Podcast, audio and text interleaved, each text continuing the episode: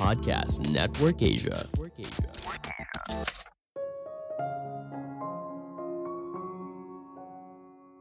Pahlawan di dunia nyata tidak punya kekuatan super atau memakai jubah.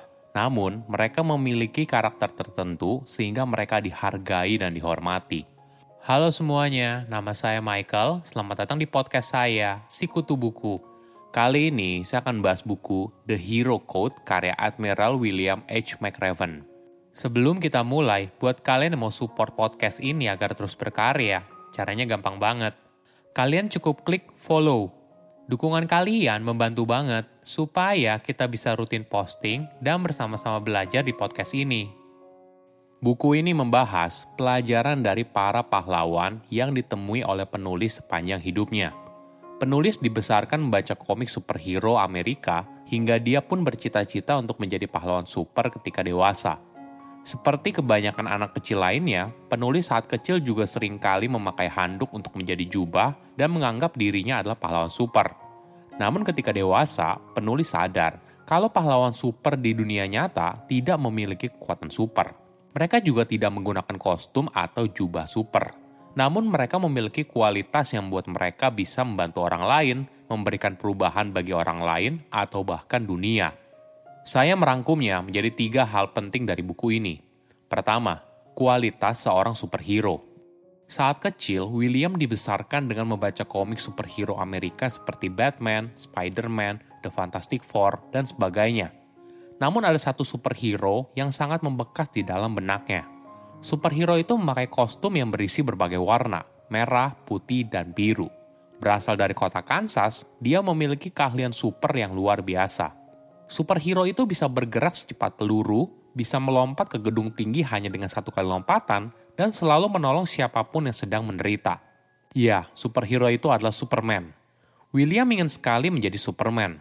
Jadi saat kecil, dia sering kali menggunakan handuk sebagai jubah seperti yang dimiliki oleh Superman. William kecil sangat percaya kalau superhero itu nyata. Seiring berjalannya waktu, dia sangat tertarik dengan pahlawan yang ada di dunia nyata mulai dari astronot dalam misi luar angkasa, dokter yang menciptakan vaksin, tentara yang baru kembali dari perang, dan sebagainya. William percaya kalau mereka adalah orang yang spesial karena memiliki sesuatu yang tidak dia miliki. Mereka lebih pintar, lebih kuat, dan lebih berani. Namun selama 37 tahun bekerja sebagai anggota Angkatan Laut Khusus SEAL, William punya pandangan yang berbeda. Siapa pun ternyata bisa jadi pahlawan, karena itu ada di dalam diri setiap orang bahkan orang yang namanya tidak kamu temukan dalam sejarah. Jika bicara soal pahlawan, kita pasti sering kali mengasosiasikannya dengan sifat keberanian. Ashley White merupakan tentara wanita yang gugur di medan perang saat bertugas di Afghanistan. Kejadian ini sangat membekas di benak penulis karena dia yang memilih Ashley untuk ikut di dalam pasukannya. Ashley merupakan bagian dari Cultural Support Team yang berfungsi untuk berinteraksi dengan para wanita Afgan yang memiliki informasi penting di mana musuhnya berada. Dia merupakan wanita yang hebat dan memiliki karakter yang baik.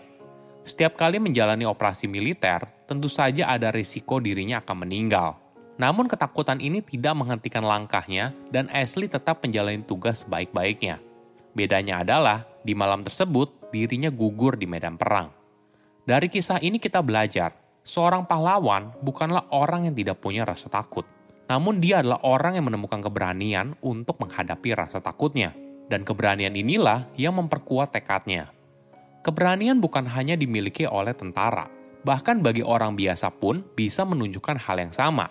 Misalnya seperti orang tua yang melindungi anaknya, atau seorang yang berani menghadapi ketakutannya hingga akhirnya berhasil melakukan hal besar.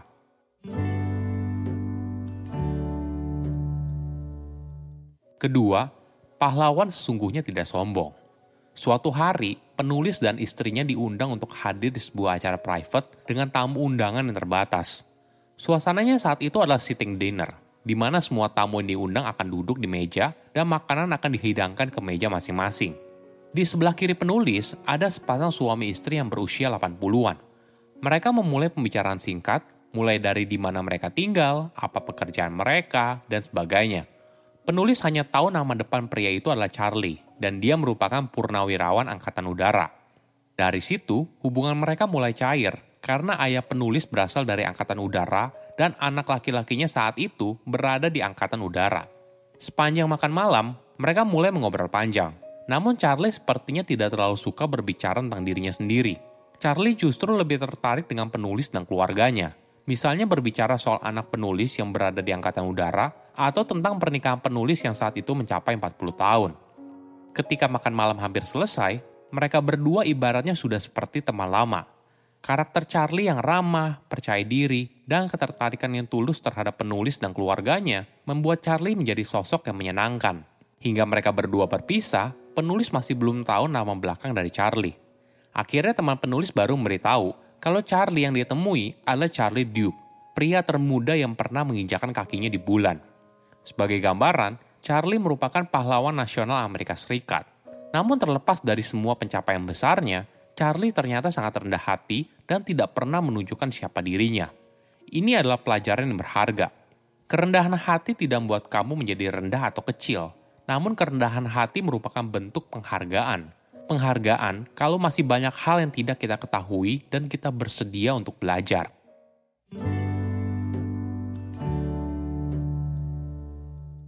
Ketiga, ketekunan mengubah hidup.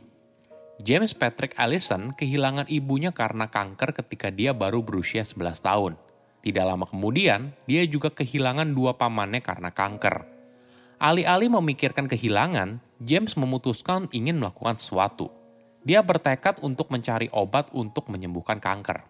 Di University of Texas, James mempelajari tentang sel T, sel dalam tubuh manusia menyerang infeksi dan membantu sistem kekebalan tubuh.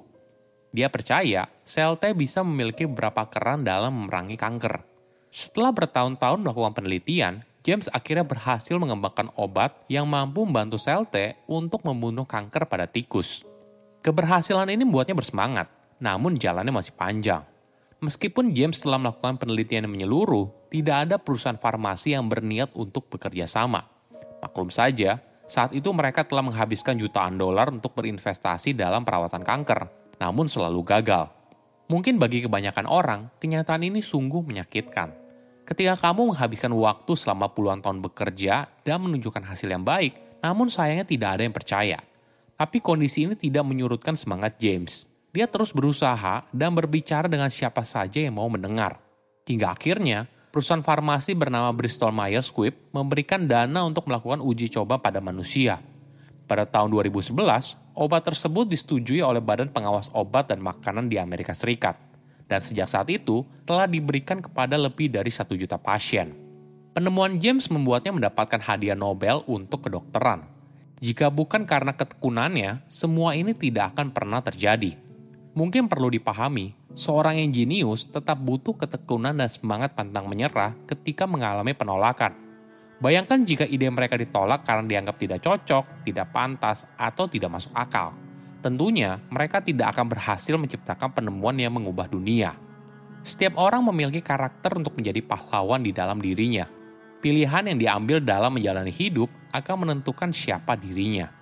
Saya undur diri, jangan lupa follow podcast Sikutu Buku. Bye-bye.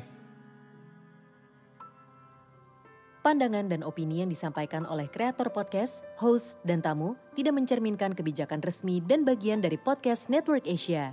Setiap konten yang disampaikan mereka di dalam podcast adalah opini mereka sendiri dan tidak bermaksud untuk merugikan agama, grup etnik, perkumpulan, organisasi, perusahaan, perorangan, atau siapa pun dan apa pun.